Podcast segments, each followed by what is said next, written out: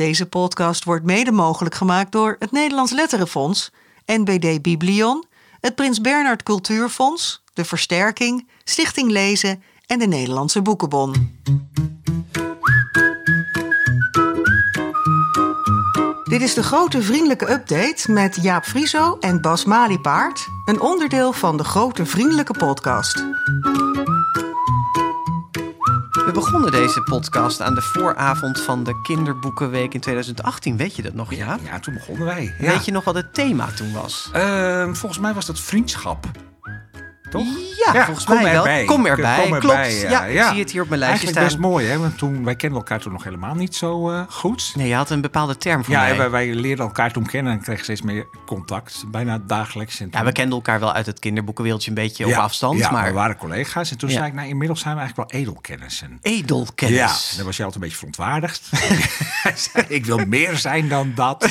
nou, bij deze, Bas, na vier jaar ben je. Inmiddels zal ik je gewoon een goed bevriende collega noemen dan? Ik vind het uitstekend. Kun je daarmee ik, ik leven? ben geupgrade. ja, Wat fijn. Ja, maar in ieder geval, dat was, dat was een mooi, mooi thema toen. Er zijn inmiddels ook alweer wat thema's eh, verder. Hè. In 2019 was het Reis mee. Ja, over Ging voertuigen, hè, ja. Het jaar daarna ging het over geschiedenis. Ook een thema wat wel eerder is geweest, maar het wordt dan steeds weer een beetje anders genoemd en de accenten wat verlegd. Dus toen was het en toen. En vorig jaar, weet je dat nog? Eh, dat was worden wat je wil, hè? Over Ja. beroepen en wat je later wilt worden in de bredere zin. Ja. Maar ja, wat vind je van dit thema? Gigagroen, natuur. Ja, wel een voor de hand liggend thema eigenlijk eh, om te doen. Het past bij de tijd, zeg maar, hè, bij deze tijd waarin aandacht voor natuur, klimaat en milieu. En ik denk ook wel dat dat vrij automatisch er nu een beetje aan toegevoegd is. Ja. Het, het, het klimaat, het milieu, het goed oppassen op je, op je omgeving, zeg maar. En op de beestjes en de dieren. Maar het is natuurlijk wel een thema waar altijd al heel veel boeken over verschijnen. Ik bedoel, Ja. boeken over dieren zijn niet aan te slepen. Die zijn Nee, misschien wel meer dan over mensen. En ja, non-fictie boeken over dieren en natuur. Ja, dieren vooral. Ik denk wel dat er nu wat meer het accent op natuur ligt. En ook in de nieuwe boeken die zijn eh, verschenen. Ja.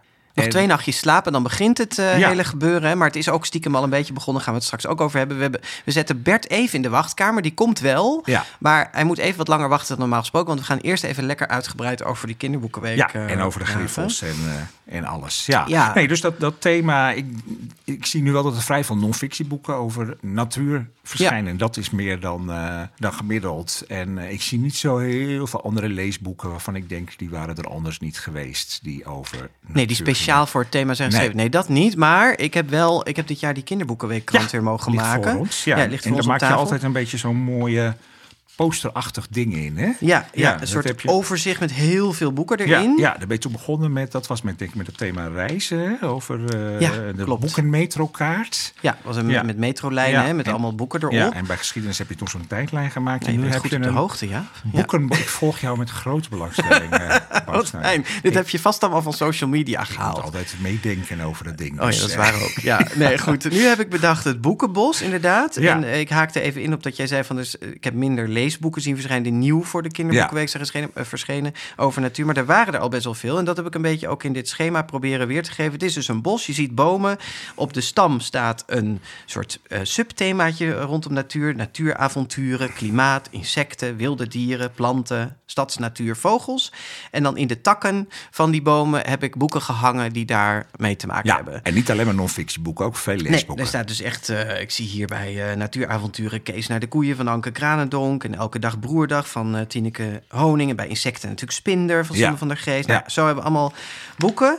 Eh, voor wie het helemaal wil bekijken. Hij is gratis en voor niks te downloaden in hoge resolutie van, moet ik het even goed zeggen, hebban.nl slash kinderboekenweek. En dan nog een keer een slash boekenbos. Ook even in onze show notes Ja, eh, gaan we het linken. Maar dan kun je hem uit, eh, uitprinten en lekker ophangen in de klas Ja, of want ik zo. werd bijvoorbeeld afgelopen week door nu.nl gebeld met de vraag van wat, nou ja, wat zijn boeken over natuur. Mhm. En toen heb ik toch ook maar wat boeken, heb ik ook Spinder maar weer genoemd, maar bijvoorbeeld ook het Sleutelkruid van Paul Biegel. Ja. Dat ik dacht, ja, dat gaat ook helemaal. En ik las toevallig vorige week voor een andere reden nog een keer Ronja en de Roverzochter. Past er ook heel goed bij. Past ook is echt zo ultiem, weet je, die Astrid Lindgren boeken, zo, boeken sowieso, maar heel erg. eh, Maar dat vind ik ook eigenlijk eigenlijk wel leuk hoor. Als een thema ook gewoon allerlei boeken boven haalt die er al een hele Ja, tijd precies. waren. Ja. Maar gewoon weer even opnieuw in het licht zet.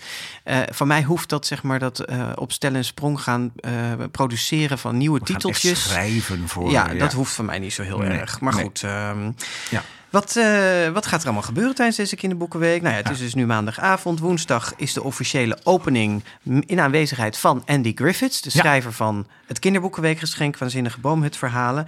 Dat is in Schravenland op een eh, terrein van natuurmonumenten. Toepasselijk in dit geval. Ja, met natuurlijk Kinderen voor Kinderen. Uiteraard, die hebben weer een liedje. Ja. Geschreven door Janneke Schotveld dit jaar. Ja. Het heet natuurlijk ook Giga Groen, vast op YouTube en zo te vinden. Nee, en vanaf woensdag eh, zijn dus de, de twee geschenken, zeg maar...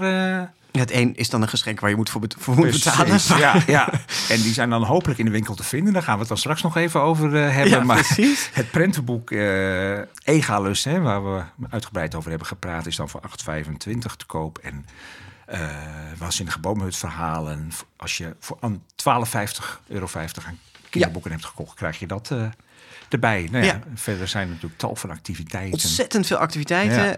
Eh, als je op kinderboekenweek.nl kijkt, dan zit er een knopje agenda. En daar kunnen bibliotheken en boekhandels ook zelf hun activiteiten aan toevoegen. Dus daar vind je een enorm overzicht van wat er allemaal te doen is. Ja. Dus ga daar vooral in, eh, in neuzen, ook in je lokale boekhandelbibliotheek. Zijn Ja, er heel en die Griffiths is volgens mij gaan naar een paar boekhandels, maar is dan ook vrij snel weer verdwenen. Maar volgens mij zijn er Is heel veel drie dagen of zo hier, ja. ja, ik hoop dat het een beetje mooi weer is, want ik denk dat er ook heel veel dingen nog buiten Ja, absoluut. gebeuren. Ja.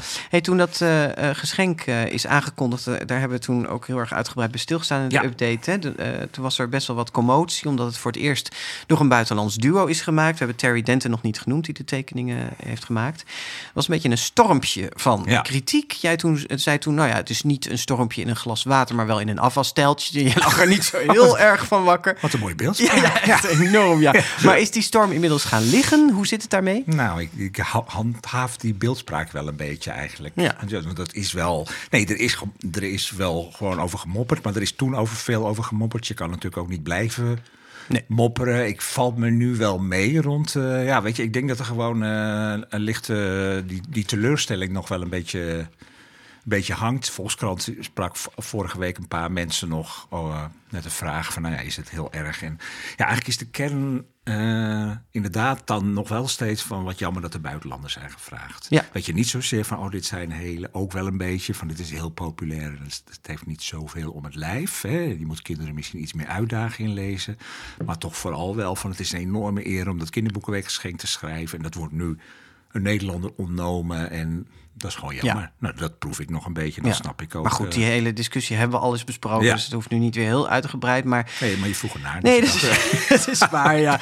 Nou, er, zijn wel, er is ook in elk geval één concreet initiatief uit voortgekomen van uitgeverij Lemskaat. Die heeft toen gezegd, ja, we hebben hier in Nederland en zeker ook in onze stal heel veel goede schrijvers. Dus eh, wij gaan een boek maken als een soort van alternatief naast het kinderboekenweekgeschenk. Zo kan je het natuurlijk niet zeggen, want je moet hier wel voor betalen. Een tientje geloof ik of zo. Ja. Eh, ze hebben allerlei eh, schrijvers uit hun stal. Anne-Jan Miras, Pieter Kolwijk, eh, Marloes Morshuis, Jan Terlouw staat erin. Ja. Met allemaal een nieuw verhaal laten schrijven.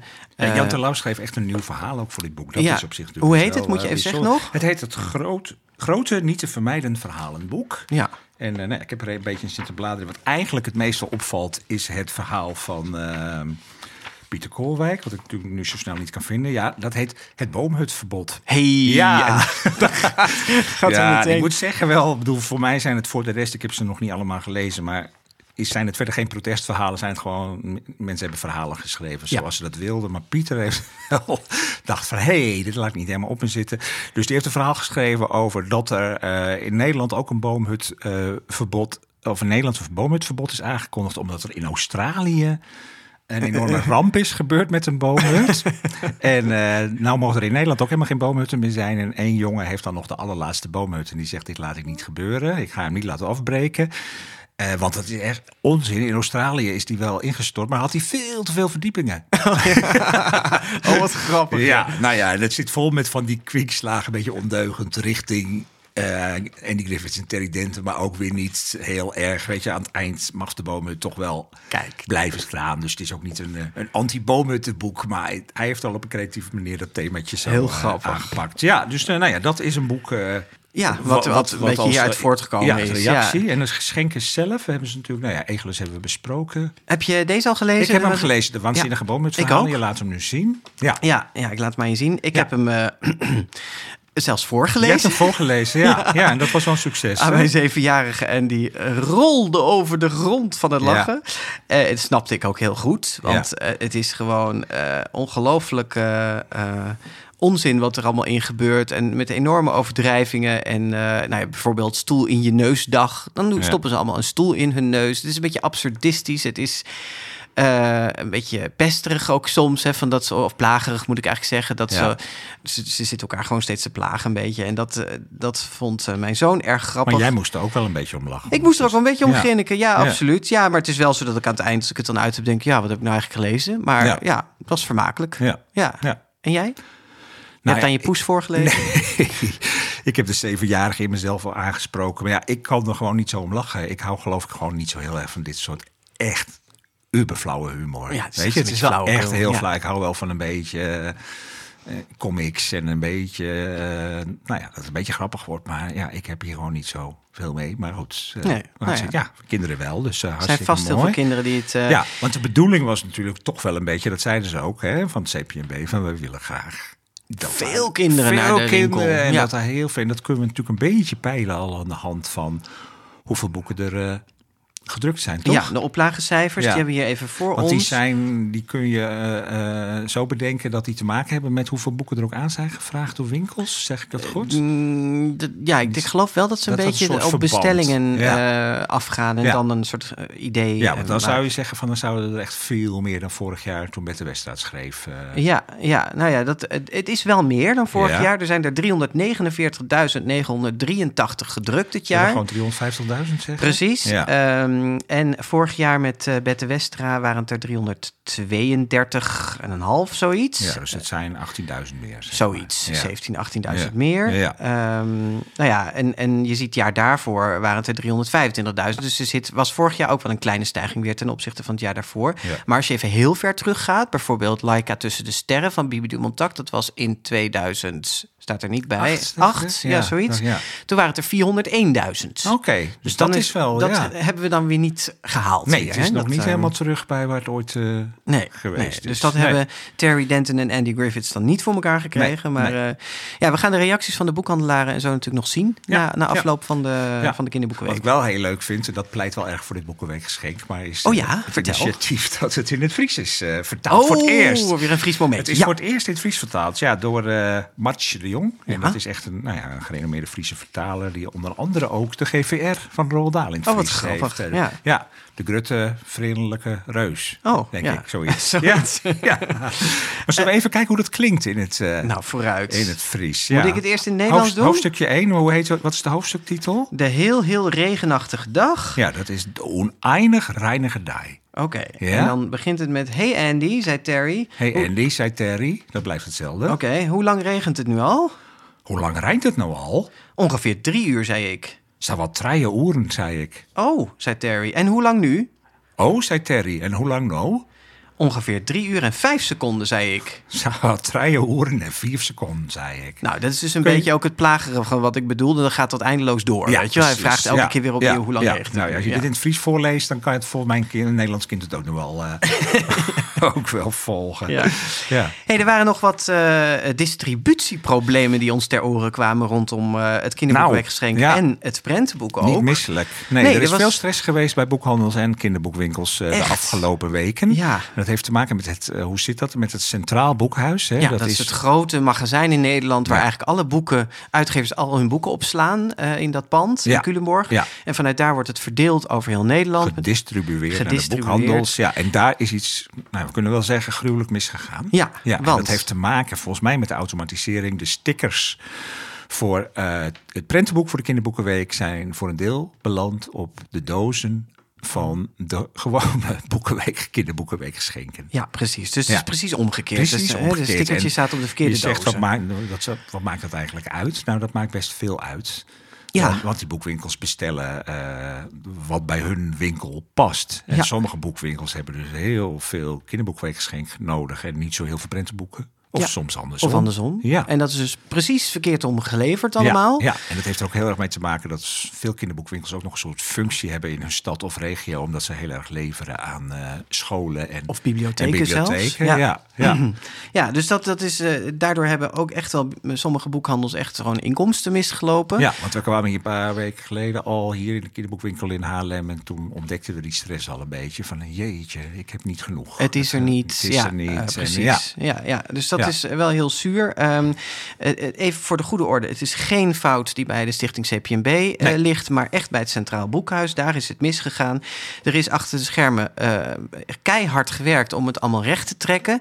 Dat lijkt voor het overgrote deel te lukken. Ja. Dus er zijn boeken teruggehaald, weer opnieuw gestuurd. Het kinderboekenweekgeschenk is zelfs bijgedrukt Ja. om ja, te kunnen aanvullen hier en daar. Want het was niet, logistiek niet te doen om, om al die geschenken weer van de ene boekhandel naar de andere te krijgen en zo op tijd. Nee, we hebben vandaag even een klein Belrondje rondje gebeld gedaan. langs wat kinderboekwinkels. En daar kwam uit dat bij, bij sommige winkels het echt gewoon nu goed is. Ja.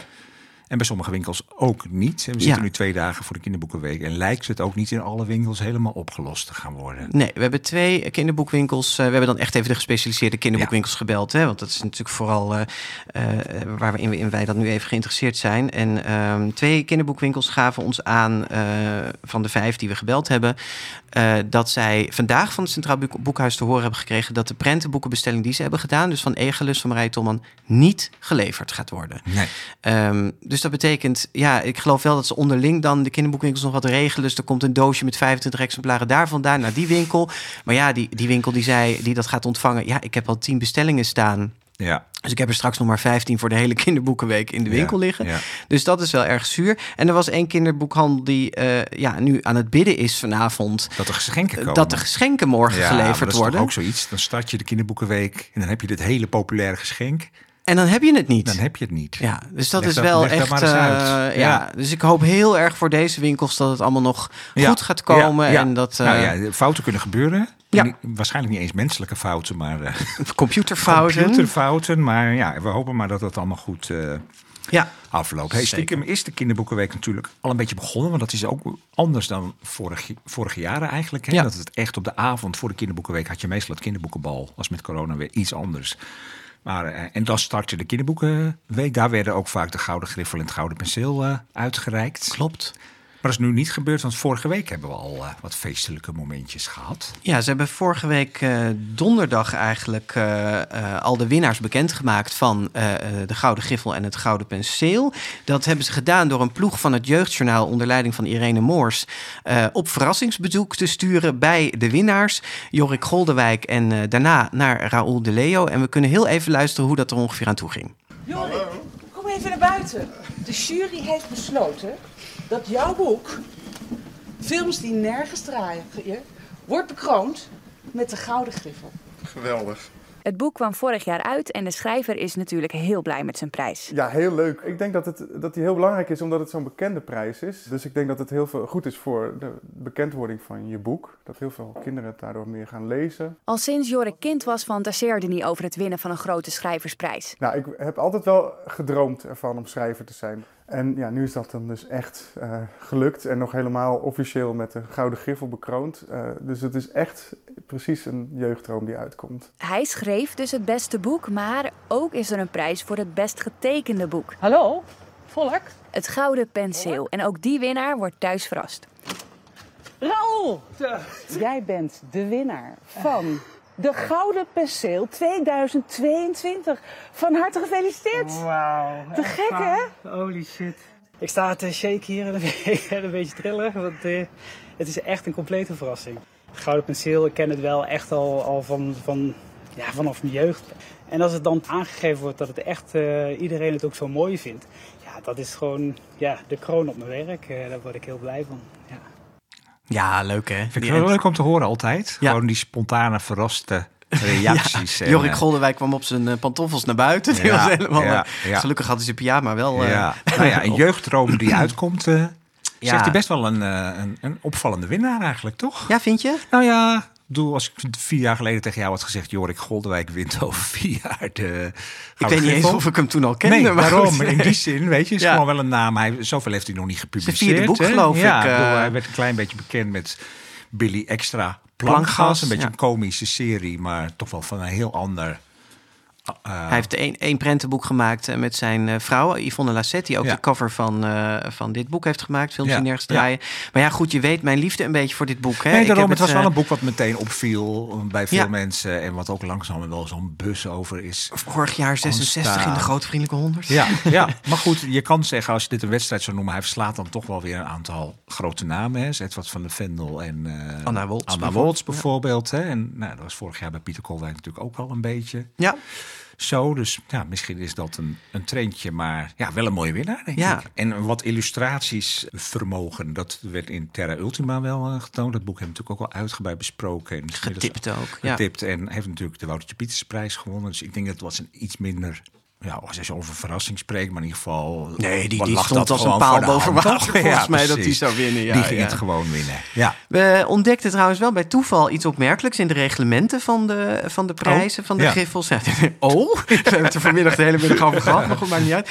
Ehm, want Vlamingen maakten vorig jaar en dit jaar opeens geen kans meer op de Gouden Griffel. En eh, daar is eigenlijk helemaal geen rugbaarheid aangegeven.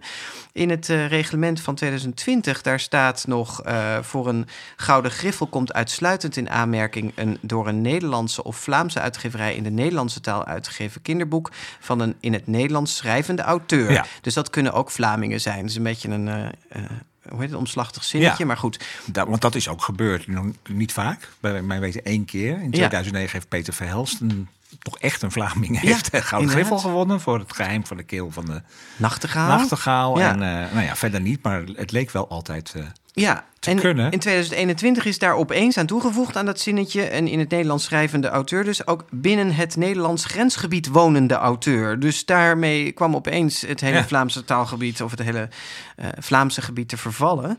Eh, maar ja, goed, daar, is dus, daar heeft niemand ooit wat over gezegd in die Nee. tijd... waarom dat gedaan is. nee. Het is ook en dit jaar wel relevant, blijkbaar. want Pieter Goudensenboos was, eh, had een geen zilveren griffel Ja. gekregen. Dus die had, zo kwam ik er ook een beetje achter. Dat ik dacht van, hé, hey, heeft Pieter Goudensenboos, maakte die eigenlijk kans? Ja, En dat ja, bleek niet zo te zijn. Ja, we hebben Ja. even gevraagd bij de CPNB eh, eh, waarom dit destijds dus eigenlijk eh, in 2021 pas veranderd is. En de persvoorlichter die laat ons weten, dit was op verzoek van de achterban, oftewel de Nederlandse uitgevers en auteurs. Het is natuurlijk zo'n belangrijke en waardevolle prijs met groot effect en de wens was om een Nederlandse auteur de prijs te gunnen. Ja. Nou ja, goed. eh, ehm, ik vond het opmerkelijk. Ik vond het ook wel een beetje jammer, weet je. Voor de boon kunnen ook Nee, Nederlanders in, blijft altijd een beetje aanmerking komen. Ja, we zijn toch één taalgebied en eh moeten een beetje vrienden blijven met die. eh, Met die Vlamingen. Ja, ja, toch? ja, ja.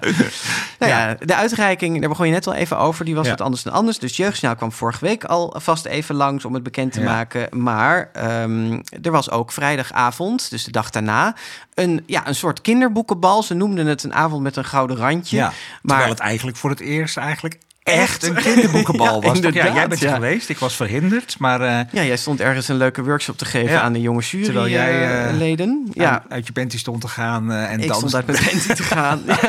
Nee, maar je hebt heerlijk gedanst. Het was, het was echt een leuke avond, hè? Het was echt wel een hele leuke avond, ja. Helemaal niet zo inhoudelijk. Het, het, het inhoudelijke deel eh, was eigenlijk gewoon een korte uitreikingsceremonie van de Gouden Griffel en het Gouden Penseel. Met veel vuurwerk eromheen en eh, harde muziek. En voor de rest was het eh, dansen. Ja, En ik zoals heb, een bal. voor zelfs het eigenlijk Ja. hoort te zijn. Ja. Ja. en ik heb echt eh, nog nooit zoveel kinderboekenschrijvers bij, bij elkaar uit hun dak zien gaan. Nee. Eh, ja, er was zelfs een drag show waar Ja. helemaal eh, mensen Ja. bij los gingen. En eh, ja, het was Nou ja, ik vond het ook slim gedaan. Want ze, normaal zou gesproken zou dit bal is dan aan de, echt aan de vooravond en moeten de volgende dag al die schrijvers alweer naar school Ja. om iets te doen. Hè? En nu is het gewoon, ze hebben nu nog het hele weekend gehad om weer eventjes te komen. nuchter te worden en, en bij te komen. En, Nee, maar het, wa- het was echt hartstikke leuk. Je moet volgend jaar echt mee, Jaap. Zeker. Dan sleep ik Ja. je de, de gouden loper op. Want het was een gouden loper. ja. ja. er was ook nog wat nieuws, hè? Ja, er was eh, tw- twee kleine toespraakjes van, eh van Eveline Aandekerk, de directeur van de CPNB. En die eh, maakte eigenlijk bekend dat er een nieuwe prijs in het leven is geroepen. De Vertaalprijs Filter. In samenwerking met een tijdschrift. En, Leuk, vind ik die- heel ja, leuk. Vind ik echt Vind leuk. heel leuk. Dus die gaat, volgens mij dan, denk ik dan vanaf volgend jaar naar ja, de beste de Hartstikke vertaler goed, van want ja, die vertalers zijn hartstikke belangrijk en eh, heel mooi. Ja, absoluut. En Aad Meiners, de directeur van het Literatuurmuseum, die ehm, hield nog een kleine toespraak. En daarin pleitte hij voor een jaarlijkse Theo Thijssenprijs. Die wordt nu één keer in de drie jaar uitgereikt. Ja. hè. Is de Oeuvreprijs Nederland, 60.000 euro. En hij eh, vond eigenlijk dat dat wel jaarlijks zou mogen. Waar die oproep opeens op het dat kinderboekbal want vandaan kwam, weet ik niet. een, eh, je portemonnee trekken, denk ik dan. Ja, toch? ja. ja. Ik- Had hij die ook bij zich? Die had hij, denk ik niet. Ik heb hem niet gezien. Het Nee. moet een hele dikke portemonnee zijn Ja. namelijk. Maar ehm, nee, ja, de, de, de- op zich een prima oproep. Ja, Eh, ja nee, prima als dat voor elkaar kan krijgen, heel graag. ja, Ja, dus ja, eh, dat was ja. een beetje wat er uit het... eh, ja, ja, en ik ga volgend jaar zeker wel. Ja, ga nu maar vast naar een pakje uitkijken. Ja, Ja, maar ik ga volgend jaar zeker wel, omdat... want... Oh ja, je kunt natuurlijk niet eh, weigeren als... Nee. Als, Ja, maar jij mag het nieuwtje wel als. Griffelsjurylid. Ja, ik zit want, vanaf volgend jaar eh, in de jury van de zilveren en gouden Griffel. Wat hartstikke leuk, gefeliciteerd. Dankjewel. Ja, Ja. we hebben de eerste vergadering gehad. En, eh, En je weet nu al wie goud krijgt? Nee, hoor, we hebben vergadering gehad. Hebben we al, al heb ik gezegd wie ik ben. De rest van de jury zat er al eerder in. Dus ik ben de enige nieuweling. En eh, ik heb me keurig voorgesteld. En eh, ze waren heel aardig voor me. En nu Dus, moet je eh, heel veel nu moet boeken ik gaan heel lezen. veel boeken gaan lezen en heel veel vergaderen. En hartstikke leuk. En je mag er niks over zeggen tegen Ga ik mij. ook niet doen. Oh. Nee. Nou ja, dus goed. eh, heel leuk. Ja. Ik, eh, ik respecteer je integriteit, eh Jaap. ja. Ja, nou hebben we dan al het nieuws over de kinderboekenweek wel zo'n beetje gehad. Vast niet, maar eh, we hebben er sluiten genoeg hem over af, hè? gezegd. Ja, ja. Bert, kom maar uit die wachtkamer. ja. Het grote vriendelijke kinderboekennieuws van september 2022. De Thea Beckmanprijs voor het beste historische boek voor kinderen tot 12 jaar is gewonnen door Annette Huizing met Het Pungelhuis.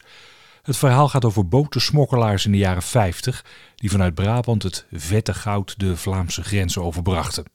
De verkoop van de Indianenboeken over Winnetou van Karl May is stopgezet. Daartoe besloot uitgeverij Meulenhof na een verhitte discussie in Duitsland over stereotypering van de oorspronkelijke bewoners van Amerika. In Duitsland werden twee kinderboeken, een puzzel en een stickerboek uit de handel genomen, omdat de uitgeverij niemand wil kwetsen. In het Nederlands waren de boeken alleen nog als e-book of via printing on demand verkrijgbaar, maar nu dus niet meer. Het Gouden Kalf voor beste film is dit jaar voor Knor, de animatiefilm naar het kinderboek De Wraak van Knor van Tosca Mente uit 2010.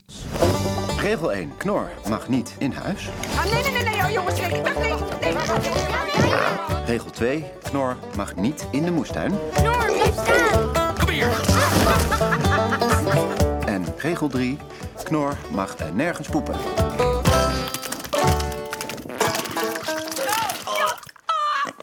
Het lijkt me nu duidelijk dat het beest gewoon weggaat. De film van Marcia Halberstad kreeg ook nog de kalveren voor beste regie en production design. Als kers op de taart van dit succes wordt Knor ingestuurd voor de Oscar voor beste animatiefilm. In de miljoenennota staat dat er 12,9 miljoen euro extra beschikbaar komt voor leesbevordering. Het geld is bestemd voor twee projecten: Boekstart in de kinderopvang en de bibliotheek op school in het primair onderwijs en het VMBO.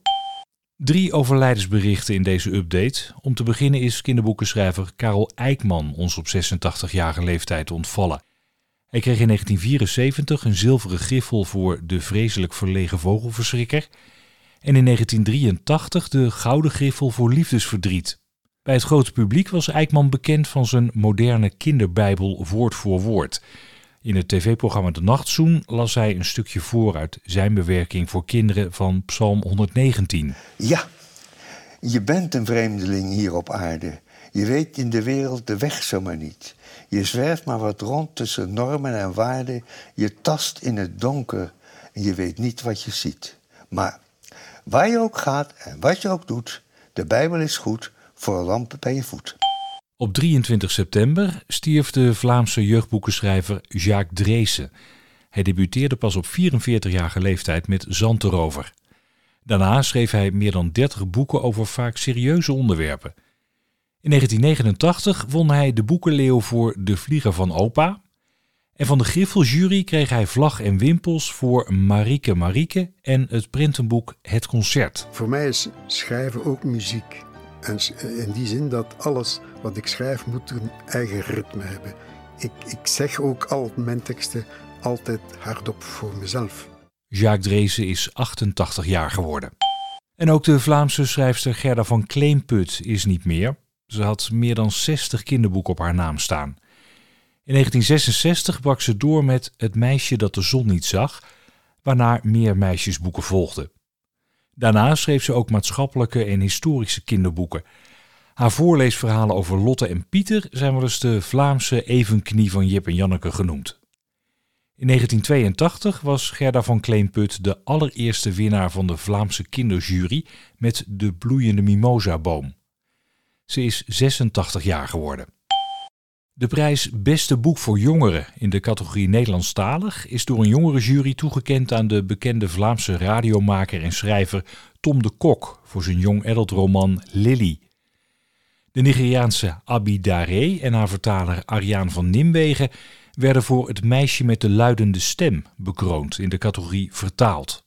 Aan het begin van de Boekenweek van Jongeren is in het Literatuurmuseum in Den Haag de permanente tentoonstelling Backstreet geopend, waarin jongeren tijdens interactieve spellen kennis maken met hedendaagse schrijvers zoals Marieke Lucas Rijneveld, Jason Reynolds en Khalid Boudou. Ze kunnen gokken op literaire verhalen in het casino, leren verleiden met taal in de limousine of zich blootgeven in de tattoo shop. Van nieuwe liedjes die Boudewijn de Groot samen met Jacco van der Steen maakte, is een prentenboek verschenen met de titel Soms als ik een vlinder zie. Illustrator Mark Jansen maakte bij iedere liedtekst een tekening. De liedjes zijn een soort mini-verhalen over onder andere een merel, een giraf, een zebra en dus een vlinder. Soms als ik een vlinder zie, denk ik, word jij nou nooit moe? Je fladdert maar van hot naar her, tot vervelens toe. Kijk, als ik een vlinder was, dan bleef ik zitten waar ik zat. Lekker rustig in de zon, zomaar wat wiegen op een blad. Af en toe wat knabbelen op een stukje groen. Even naar een zachte bloem en een lekker tukkie doen. Misschien ook nog wat schaduw tussen het hoge koele gras. Ja, ik zou het wel weten als ik een vlinder was.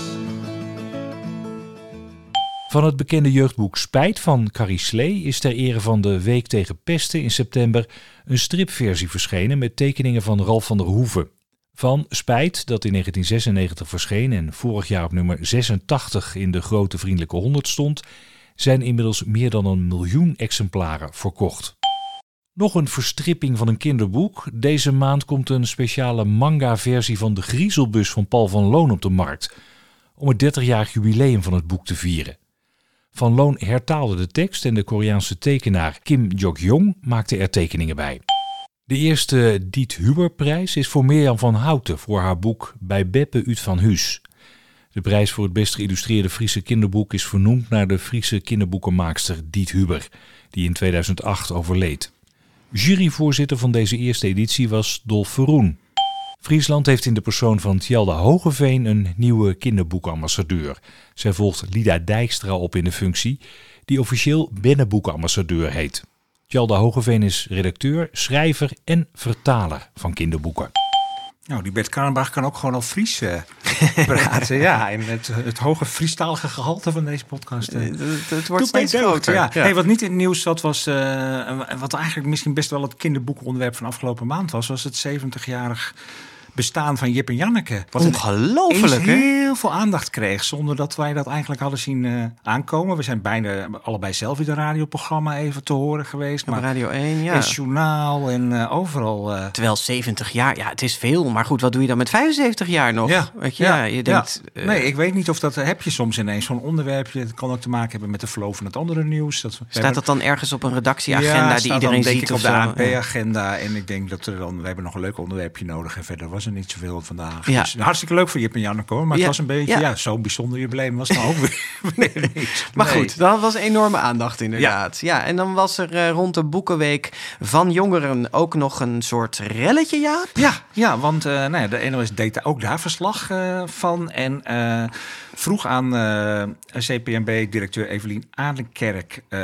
nou, eigenlijk de vraag van waarom is dat leesplezier van jongeren, waarom, waarom gaat dat daar niet zo goed mee en waarom holt dat achteruit? En in het uitgebreide antwoord dat ze gaf, zei ze onder andere, kijk naar de verplichte leeslijst. Als je niet veel leest en je moet het bittere kruid gaan lezen, van Margaminko dus, dan worden al je vooroordelen over lezen bevestigd. Dat wordt vrij vakkundig het leesplezier eruit geramd. Nou, ja. Die uitspraak, uh, ik denk dat ze die beter niet had kunnen doen, want daar kwam... Uh, Heel, heel, veel kritiek op. Ja, en, en uh, nou ja, daar, daar heeft ze ook wel vrij snel weer van gezegd: van dat had ik niet moeten. Ja, ze heeft haar excuus gemaakt aan Margaminko. Ja, het is natuurlijk altijd heel tricky om een om echt een voorbeeld te gaan een noemen. Voorbeeld ja. te noemen. En dit was gewoon een wat ongelukkig voorbeeld. Ik zit toevallig in een leesgroepje en het leek ons leuk om afgelopen maand het bittere kruid te gaan lezen. Want heel veel mensen hadden dat inderdaad ooit wel eens gelezen. Misschien ook wel voor school.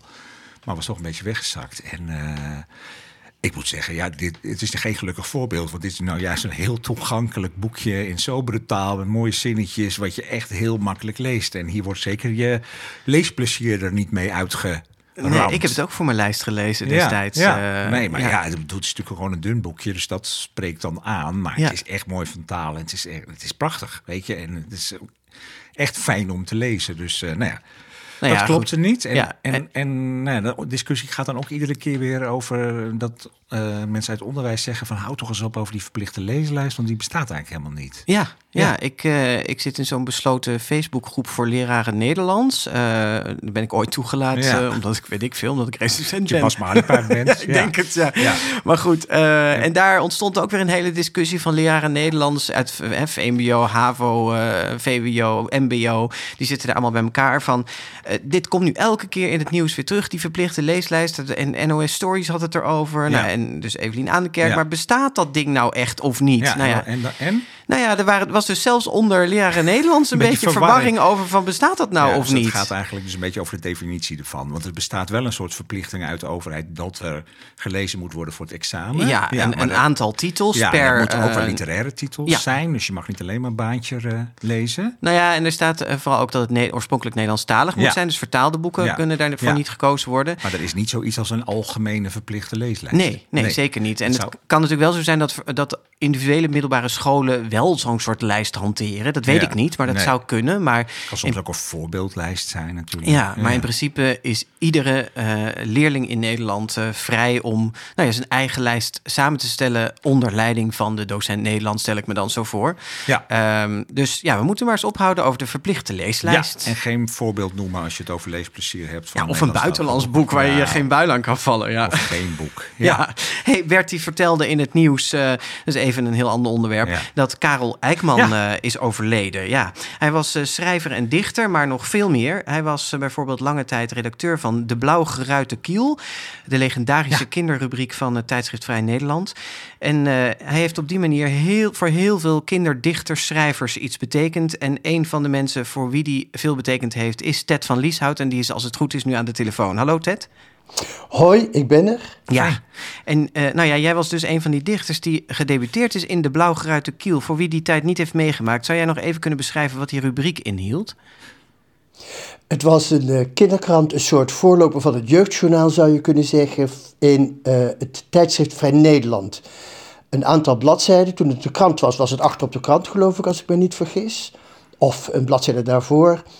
En daarin stonden ja, een soort nieuwsberichten uh, van wat er belangrijk was in het nieuws voor, voor de jeugd. Ik denk van, van ongeveer 10 tot 12 jaar ongeveer, die leeftijdsgroep denk ik. Uh, voorgezeten door Aukje Holtrop en Karel Eijkman. En ik was al illustrator voor de volwassen krant.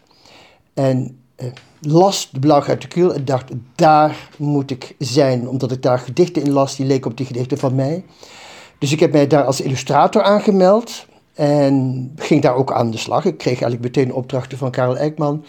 En toen heb ik op een dag ook een gedicht van mijzelf onder zijn snuffelt geschoven. En hij plaatste dat prompt. En toen dacht ik, goh, dan ben ik kennelijk hier welkom. Nou, dan blijf ik. Ja, want en zo is behalve, het wat mij betreft gegaan. Behalve dat er nieuwsberichten in stonden, was het dus ook een soort platform voor gedichten. En, Juist, ja. ja. ja. Er stonden bijvoorbeeld gedichten in van Leonard Witvliet en Remco Eckers. En een van mijn eerste opdrachten uh, was om een aantal gedichten van Remco Eckers uit te kiezen en die te voorzien van een illustratie. Dat vond ik ontzettend uh, mooi dat ik dat mocht doen en voelde dat als een verschrikkelijk mooie verantwoordelijkheid. Ja. Ehm, Ja, dus ik was hem daar heel dankbaar voor. Het is echt een kweekvijver geworden eigenlijk ook van heel veel eh, nieuwe kinderboekenschrijvers in die tijd. Hè? Zeker, hij gunde heel veel mensen een, eh, een kans en daar eh, moet hij voor geëerd worden. Ja, want kun je zeggen dat Karel Eijkman dan een soort nestorfunctie had eigenlijk? Of hoe zou je dat omschrijven? Of Ik weet niet of je dat zelf zo zag, maar dat was hij zeker wel. Ehm, er zijn echt heel veel mensen die van hem een kans hebben gekregen. Het begon natuurlijk in eerste instantie met de gedichten van het Schrijverscollectief. Maar al gauw kwam eh, bijvoorbeeld eh ehm, Leonard Whitfield met zijn niet-rijmende poëzie. En die kreeg eigenlijk ruim baan. Hij bijvoorbeeld met Remco Eckers. En ik hoorde daar uiteindelijk ook bij. En eh, Johanna Kruid en Vetse Pijlman. En later kwam bijvoorbeeld ook Edward van der Vendel. Die kregen allemaal ruimschoots de kans om te excelleren op dat podium. Ja, je moet maar eens opletten voor de, voor de luisteraars. In biografieën van kinderboekenschrijvers staat heel regelmatig van... De blauwgeruite ja, kiel. De blauwgeruite kiel, daar is Ja. eh, deze persoon ge- gedebuteerd. Eh, ik, zou je Karel Eijkman als, eh, als mens eens kunnen beschrijven? Wat voor iemand was hij, zoals jij hem hebt ervaren?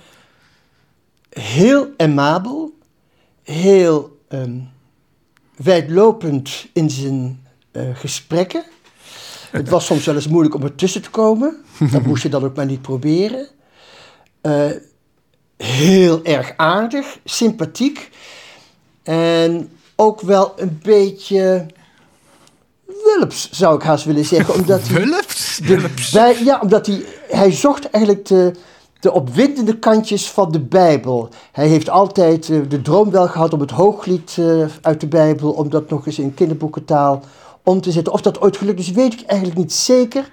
Maar dat stond in ieder geval op zijn verlanglijstje. En hij heeft eigenlijk zijn hele leven lang wel. Hij is destijds begonnen met woord voor woord de Bijbel vertellen in eh, gewone mensentaal. Hij was ook predikant, toch? Helemaal in het begin, eh, voordat hij Hij ging was schrijven. dominee volgens Ja, ja, mij. ja.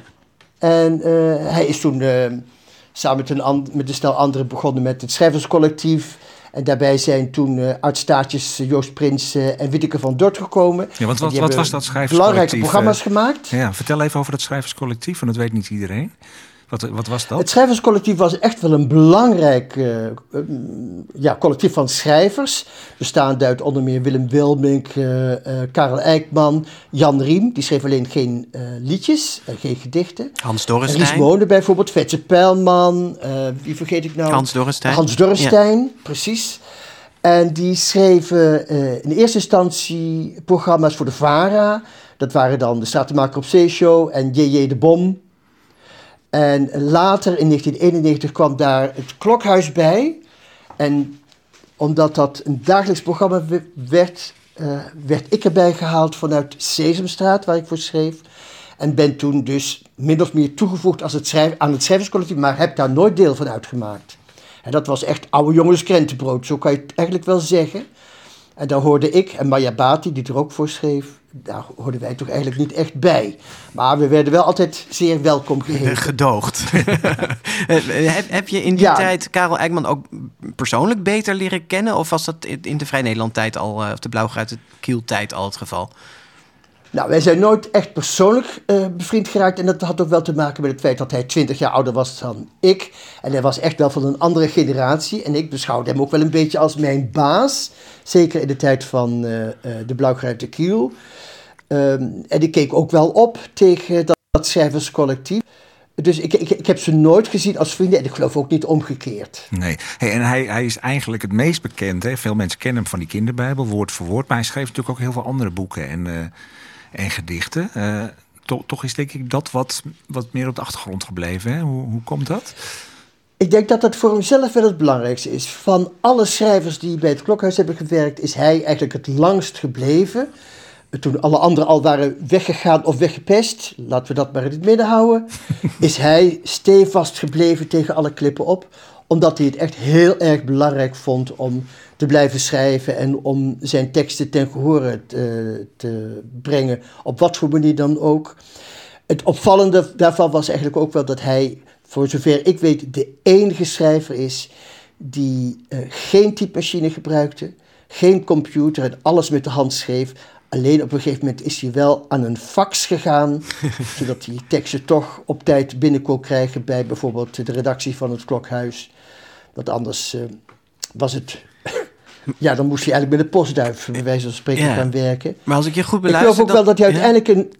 Ik geloof dat hij uiteindelijk wel een computer had, maar ik denk dat zijn vrouw die, die hanteerde en niet hij zelf. Oh ja, maar je, zegt dus eigenlijk dat handschriften het, blijven schrijven. ja, je zegt dus eigenlijk dat het, eh, het werk voor eh, hè, de liedjes maken voor het klokhuis en zo, dat dat belangrijker voor hem was dan zijn boekenschrijverij.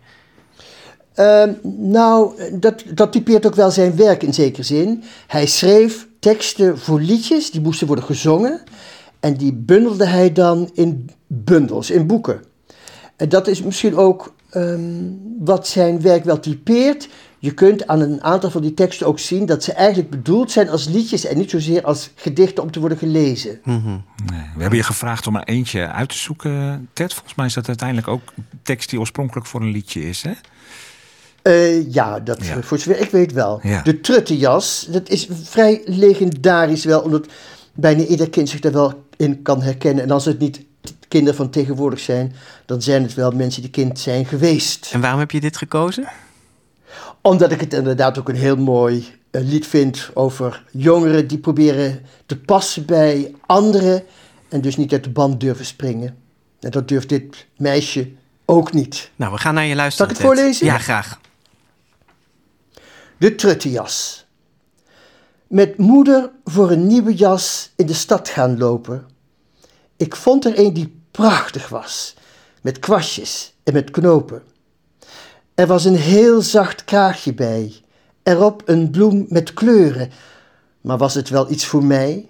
Wat zal er gaan gebeuren? Alle kinderen in de klas vinden mij er eentje. Als ik opval met die jas, echt een buitenbeentje. Ik wil niet eenzaam en apart, bij de klas wil ik horen. Ik koos een jas met bloedend hart, zo'n knoopjesrij van voren. Het lijkt wel of ik truttig ben, maar je moet niet vragen waarom ik ongelukkig ben dat ik dit moet dragen. Nu loop ik droevig over straat met mijn rug gebogen, vloekend op mijzelf kwaad, tranen in mijn ogen.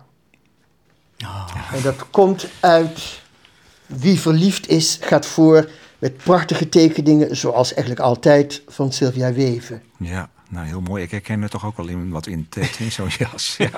Hey, dankjewel Ted dat je even met ons eh, nou ja, uitgebreid stil wilde staan... en herinneringen ophalen aan, eh, aan Karel Uitmaan... die dus op 30 augustus overleed op 86-jarige leeftijd.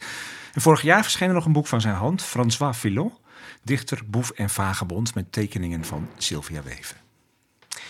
Ja, en dan eh, stiekem kunnen wij niet wachten totdat die kinderboekenweek is afgelopen. Nee, nee. we vinden die kinderboekenweek hartstikke leuk. Ja, maar de laatste dag. de laatste dag, eh, dan gaan de stembussen voor de grote vriendelijke 100 open. Ja, 16 oktober. 16 oktober. Zet het in je agenda. Ehm, en nou ja, we hebben er in de vorige update al een beetje bij stilgestaan. Maar er komt 16 oktober ook een kick-off aflevering online... waarin we nog eens een keer alles helemaal aan jullie vertellen hoe het leuke werkt. dingen gaan we. Ja, en we gaan lekker praten met mensen die heel veel eh, hebben met de boeken die erin eh, staan. En we gaan, ja, we gaan het aftrappen. Ja, hartstikke leuk. En een van de dingen die we daarin doen in die grote Vriendelijke 100 kick-off aflevering... is dat we verschillende mensen hebben gevraagd om alvast een klein vriendelijk pleidooi te houden... voor een boek dat vorig jaar niet in de lijst stond. En dat wordt, en kunnen we dat al verklappen hoe we dat een beetje doen? of Nou, dat gaan we op social media doen, toch? Bedoel je dat? Ja, maar ook, Oh, met ook een ja, Ja, met een- dat is met een- jouw, met- eh, ja, dat is jouw fetish. Ja. nee, dat Ja. is heel leuk, want er zit een klokje Ja, onder ja, met ja, een, ja, met ja, een trompetje ja, aan het eind. ja. En dus die mensen moeten ook echt in die minuut Ja, blijven. maar het En- belangrijkste Ja, is dat je alvast nadenkt over een boek waarvan je denkt, dat stond vorig jaar niet in de lijst en dat moet er nu wel in. Dat mag je dan inderdaad over een klokje met een belletje. Ja, En jammer dat je mijn vormgeving zo van tafel veegt. Maar goed. Wat Ja. ook belangrijk is, is dat eh, kaartjes voor de grootvriendelijke pakjesavond, hè, waar we die uiteindelijke 100 in gaan presenteren, dat die vanaf 14 oktober te koop zijn voor vrienden van de show. Dus wil je er dan al bij zijn, word dan nog snel even vriend van de show. Via ja. vriendvandeshow.nl slash de GV podcast. Eh, want ja, de kaarten die dan over zijn, die Als er gaan. kaarten ja, als er over- kaarten over zijn, dan gaan die vanaf 16 oktober in de algemene verkoop. Ja. Ja. Dus uh, zin in de kinderboekenweek, maar ook zin in het einde van de kinderboekenweek. ja, absoluut. Want dan begint er weer iets heel nieuws. Ja. En dan gaan we naar eh, de grote vriendelijke première. Weet jij nog, Jaap, eh, dat we Lepelsnijder van Marjolein Hof tipten? Ja, zeker. Prachtig eh, boek. En eh, er komt een tweede deel van aan. En daar gaan we iets van horen in... De grote vriendelijke première. Ja, het heeft eh, vier jaar geduurd, maar deze herfst verschijnt dan eindelijk de kaarten van Madame Petrova. Ik denk dat je het zo zegt. Eh, en dat is het vervolg op Lepelsnijder uit 2018. Dat werd genomineerd voor de Woutertje Pietersprijs en een vlag en wimpel van de Griffelsjury ke- kreeg. Eh, Marjolein Hof die heeft voor ons de allereerste bladzijde ingesproken. Luister maar mee. Sielke hield haar handen voor haar gezicht en snuffelde aan haar vingers. Ze duwde haar neus in de holte van haar elleboog en daarna onder haar oksel. De geur van thuis was verdwenen. Haar vel stonk naar aarde, zweet en opgedroogd konijnenbloed en ze kon boenen wat ze wilde, ze bleef het ruiken. Zolang ze geen zeep had, werd ze niet schoon. Op de terugweg naar de slaapkuil had ze een poeltje gevonden. Het lag verscholen in de schaduw van een beuk. Ze had zich uitgekleed en nu zat ze te kleumen in het modderige water. Precies 31 dagen geleden was ze met Janus van Holderstaten vertrokken. Ze had de tel bijgehouden. Niet dat ze iets had om mee te schrijven. Ze prentte het in haar hoofd en iedere morgen als ze wakker werd, telde ze er een dag bij op. Hoeveel konijnen ze had gevild, was ze vergeten. Grote, kleine, bruine en grijze. Ze smaakten allemaal hetzelfde als Janus ze had geroosterd. Verbrand van buiten en niet gaar genoeg van binnen. De kaarten van Madame Petrova van Marjolein Hof. Dus eh horen de eerste bladzijde. En het boek ligt vanaf 25 oktober in de winkel. Ja. En eh, dit was het dan weer. Het zit erop.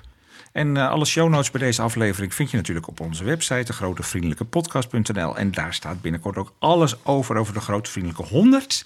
En je vindt er ook informatie over de vriend van de show.